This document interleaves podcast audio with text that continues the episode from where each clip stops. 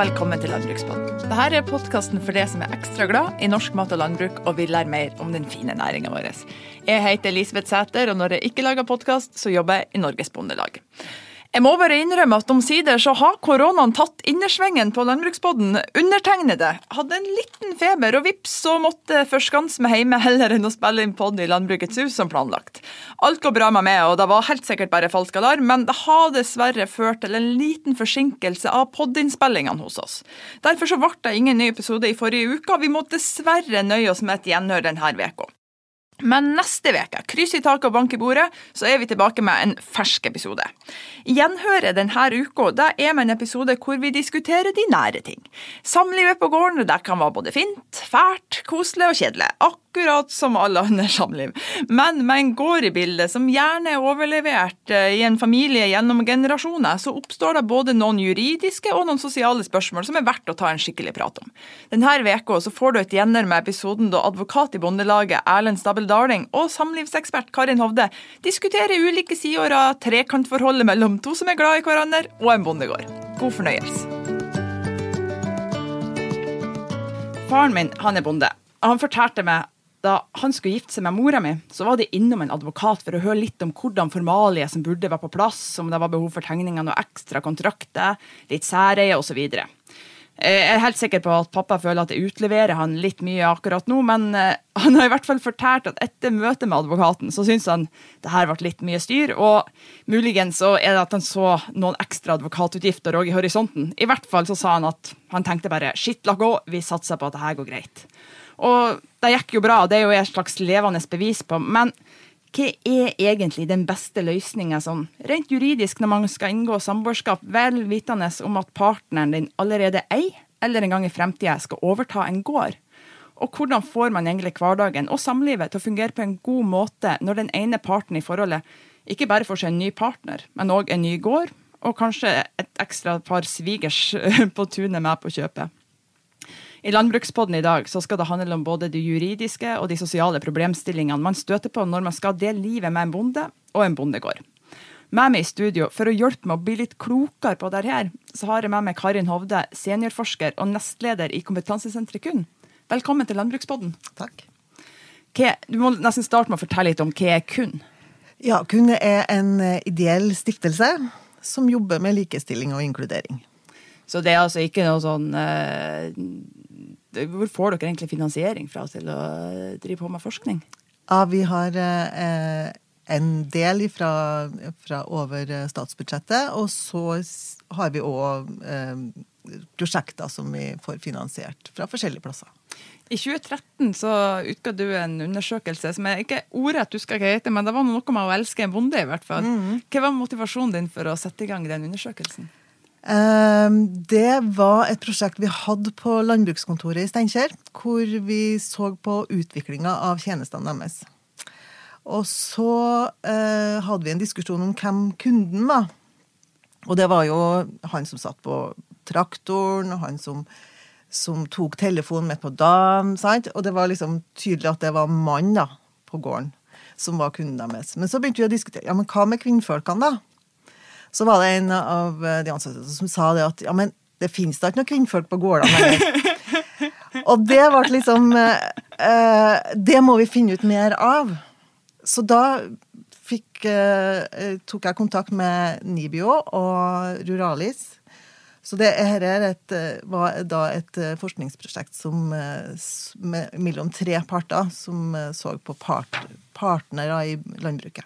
Det gleder jeg meg til å få høre mer om i denne episoden. Men vi må introdusere den andre i studiet her i Landbrukets hus òg. Jeg er med med Erlend Stabel Daling, juridisk sjef i Norges Bondelag. Velkommen til det. Takk for det. Hvor ofte er det at et medlem ringer og spør det om samlivsråd? Ja, Det varierer litt, men det er i alle fall eh, flere ganger ukentlig. Oi, såpass? Ja. Er, er det samme spørsmålene som går igjen gang på gang? Mye er det samme, da. Eh, og det er jo enten eh, eh, før man skal inngå samboerskap eller ekteskap med en bonde, eller når man velger å tre ut av forholdet. Og da kan det være både bonden og den andre som ringer. Men du svarer begge så lenge begge er medlem i Norges Bondelag? Ja, det må vi jo gjøre. Ja, det er bra likebehandling. Eh, hvorfor tror dere Altså, vi har fått flere innspill fra lyttere i Landbrukspodden som vil høre om akkurat dette temaet. Hvorfor tror dere at det engasjerer? Eh, det er vel at uh, utviklinga av landbruket har blitt sånn at, du, at uh, du ser at det er større utfordringer i forhold til parforholdet nå. Altså du, og at du stiller mer krav til parforholdet og fritid. Og da møter du jo på ganske mange utfordringer når du er på en gård. Hva du tror det, eller? Ja, det er jeg enig i. Og i tillegg så er det jo store verdier det gjelder. Og det er en forvaltning av en familietradisjon, det å eie en gård. Så det er mange som har sterke interesser og følelser for gården. Ja, for eh, Hvordan kan man oppsummere? Altså, hva er liksom den største forskjellen med å eh, gifte seg eller bli samboer med en som ja, jobber i NRK eller hos Fylkesmannen, enn en som eh, jobber som bonde? Jeg bruker å si at i et, eh, et parforhold på gården så er det tre parter. Det er hun og han, eller han og han, eller hun og hun, og gården. Det høres litt skummelt ut. ja, men da må man må ta hensyn til alle tre partene, da. Det er det som er utfordringa. Jeg tenker nok også at det er minst en fjerdepart som er familien til mannen. Ja. Det her er ikke akkurat god reklame for å gifte seg med en bonde. Eller familien til bonden, da, tenker jeg. Beklager. Eh, men eh, tenker du, altså eh, Hvem sitt er det kun den parten som kommer utenfra? Jeg skulle til å si, jeg skulle til å si hun, og det er jo ofte hun. Er det kun den parten som kommer utenfra, som får all belastning? Jeg skulle si, Det høres jo nesten ut som at du, som du, sier, du får en mann, og så får du en gård, og så får du svigers, og så får du kanskje søsknene til mannen din i tillegg på kjøpet. Altså, Der høres jo litt krevende ut. Er det, Havner hun eller den parten utenfra alltid på minussida? Nei, det kan man ikke tenke at man gjør. Altså, det er jo mange som går inn her som et felles prosjekt. Men utfordringa er jo når gården allerede er der og er kjøpt, eller, og at, at uh, man òg forlanger at uh, man skal ha særeie, f.eks. Og så står den parten som skal inn, veldig sånn fremmedgjort i forhold til det som en skal inn i, da. Så jeg tenker at det er først og fremst den som har odelen, og den som tar over gården, som har ansvaret for å innlemme den andre.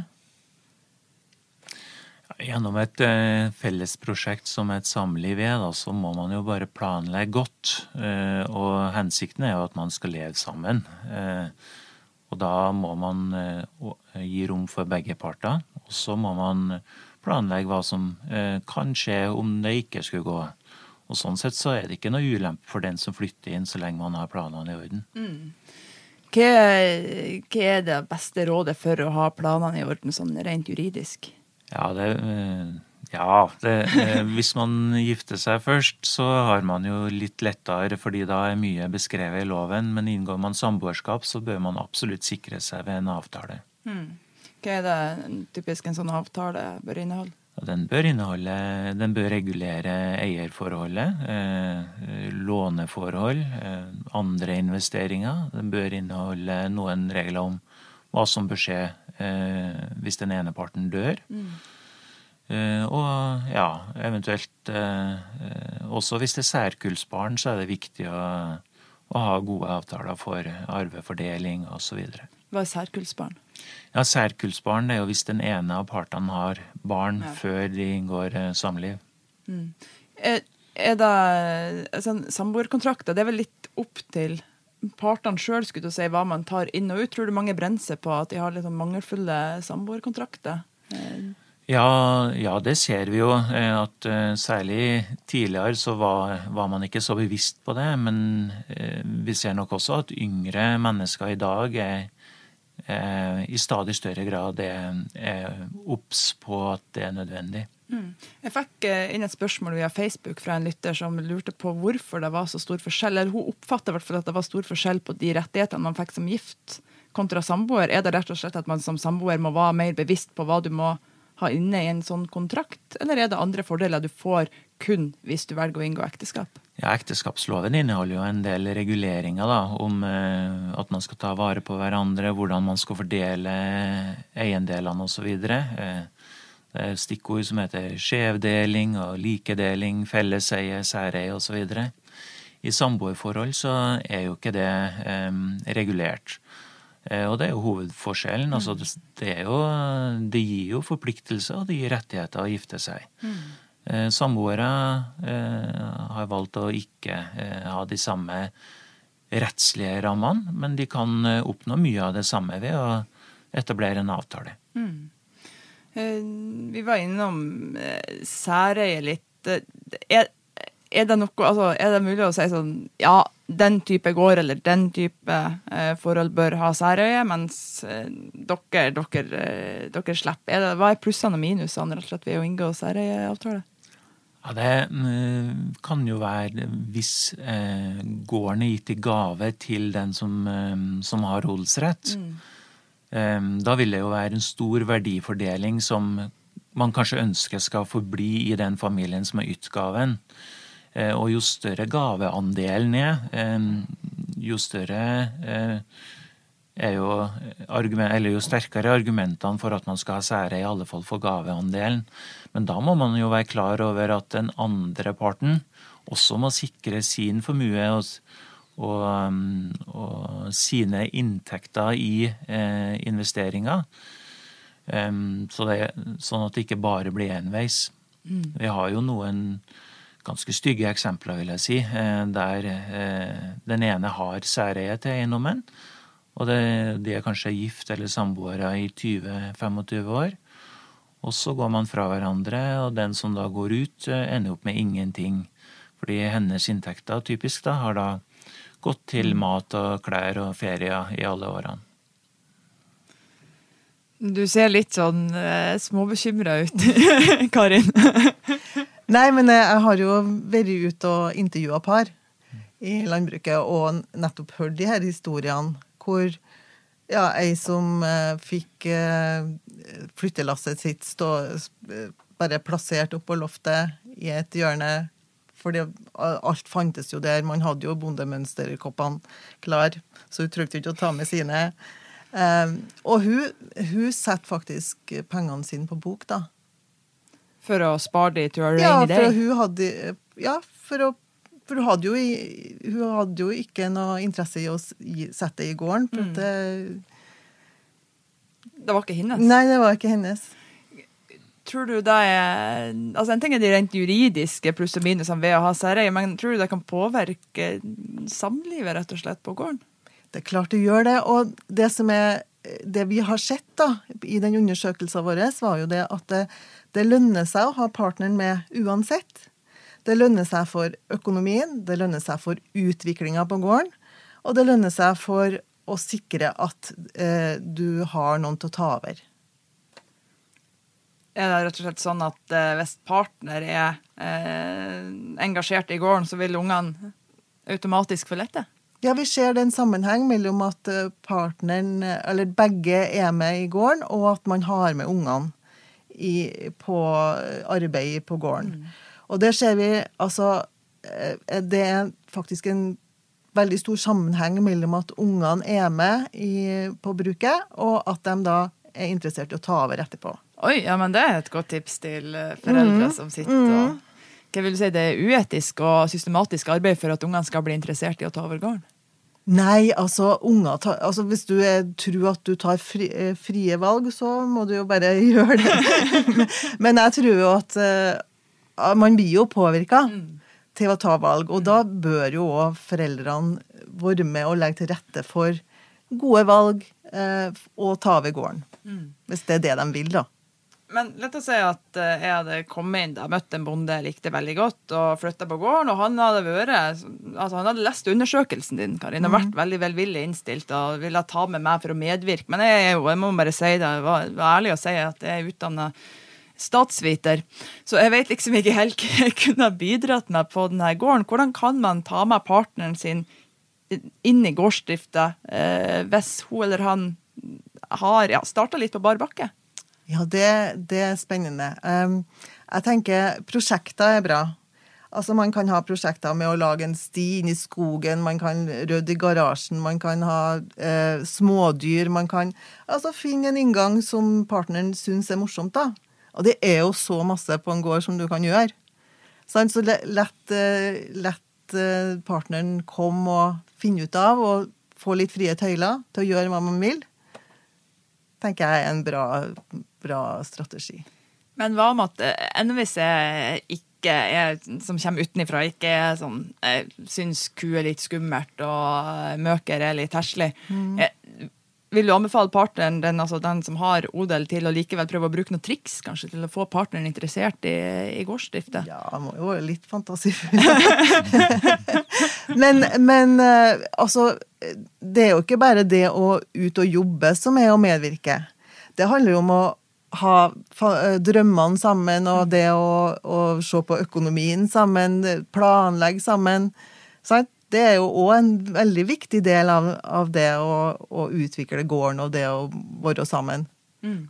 Erlend, tror du eh, partners eh, vilje til å investere i gårdsdrifta sammen etter hvert òg kan bli positivt påvirka hvis hun eller han får et lite sideprosjekt? På eiendommen, ja. Ja. Ja, det, eh, det vil jeg så klart ha. Mm. Ja. Eh, Men tror du, altså, hvor vanskelig har du inntrykk av at det er å komme inn? Eh, så hvis du ikke har noen bakgrunn fra gård, ser du mer tendens til at man eh, sliter med å finne en Nei. samarbeidsform? Ja, men uh, det er jo som Karin sier, da, at, uh, at uh, det at man har et felles prosjekt, men det tenker jeg det er flere ting. Det, det viktigste er jo at man er glad i hverandre og ønsker å dele livet sammen. Ikke at man nødvendigvis deltar i alt på gården. I dag er det jo veldig vanlig at uh, den ene har eh, sitt arbeid utenfor gården. Um, og at den um, andre kanskje jobber helt eller delvis på gården. Uh, og, men man må ha en felles forståelse av hvordan man ønsker å innrette seg. Og også både, både med hensyn til gårdsdrifta, kanskje ha forskjellige ansvarsområder. Men også at, at man er åpen for hverandre, tolerant for hverandres synspunkter. At man prater sammen, og at man i det hele tatt eh, blir enige om hvordan ting skal gjøres. Det tenker jeg er det sentrale. Tror dere at det er mulig å eh, ha et eh, godt samliv og få det til å fungere i hverdagen hvis den ene parten ikke altså, holder seg, i hvert fall formelt sett, utenfor gårdsdrift? Og da tenker jeg særlig på sånn eh, Hvis man vil utvide gården, så er jo det en stor investering og kan påvirke hele familieøkonomien. Hvis den andre parten ikke er med på de her beslutningene, og heller kanskje ikke ønsker det, Ja. har det mye å si? Ja, Det viktigste er at man da blir enige om hvordan man skal innrette seg økonomisk. Eh, Det kan godt være at den ene ønsker å satse på gården, og den andre tenker at eh, ja, det, det må du gjerne gjøre, men det er ditt prosjekt. Mm. Og så må man finne en løsning på det som begge eh, er trygge på. Og da går det som regel bra. Min, mitt inntrykk da fra de henvendelsene jeg får, det er at eh, de fleste som det ikke har gått så bra med, har hatt en dårlig kommunikasjon eller har ulik forståelse av hvordan ting bør og skal gjøres. Også i tillegg, selvfølgelig, har man eh, en skjev økonomisk fordeling, eh, en skjev byrdefordeling. Da er det ikke noe godt eh, for, med tanke på videre samliv. Karin, eh, du, deler du synspunktene til Erlend?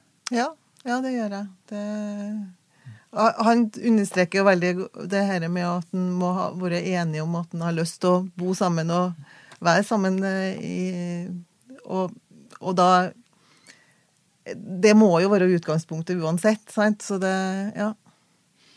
Vi må, vi må innom eh, en ting som vi også sneia så vidt innom i starten. Fordi jeg, altså jeg tror nok selv om jeg vokste opp på gård, og der bestemor og bestefar har bodd der, eh, bodde der hele, eh, hele tida. Og jeg syns jo sånn i ung alder, som unge var det jo helt topp. De drev jo og passa meg hele tida. Eh, ja, vi hadde det vanvittig koselig. Men samtidig har jeg jo tenkt på litt i voksen alder. Gud, hvordan hadde det vært å ha svigermor så tett eh, på? Karin, har du noen tips til eh, folk som kommer utenfra og inn på gård, om hvordan de skal manøvrere seg i det her landskapet? Og kanskje ikke minst òg til eh, svigerfamilien, hvordan de tar imot den nye personen på gården? Men igjen så tenker jeg det, er, det viktigste er den som eh, bringer, bringer, partneren sin inn.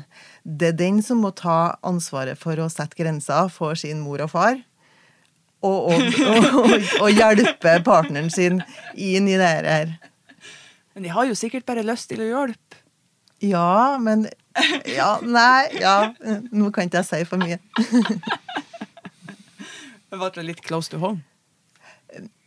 Ja, det, det er jo jeg òg har vokst opp sånn som du, med bestemor og bestefar på loftet og, og gammelonkel, så det Vi hadde masse Masse morsomt.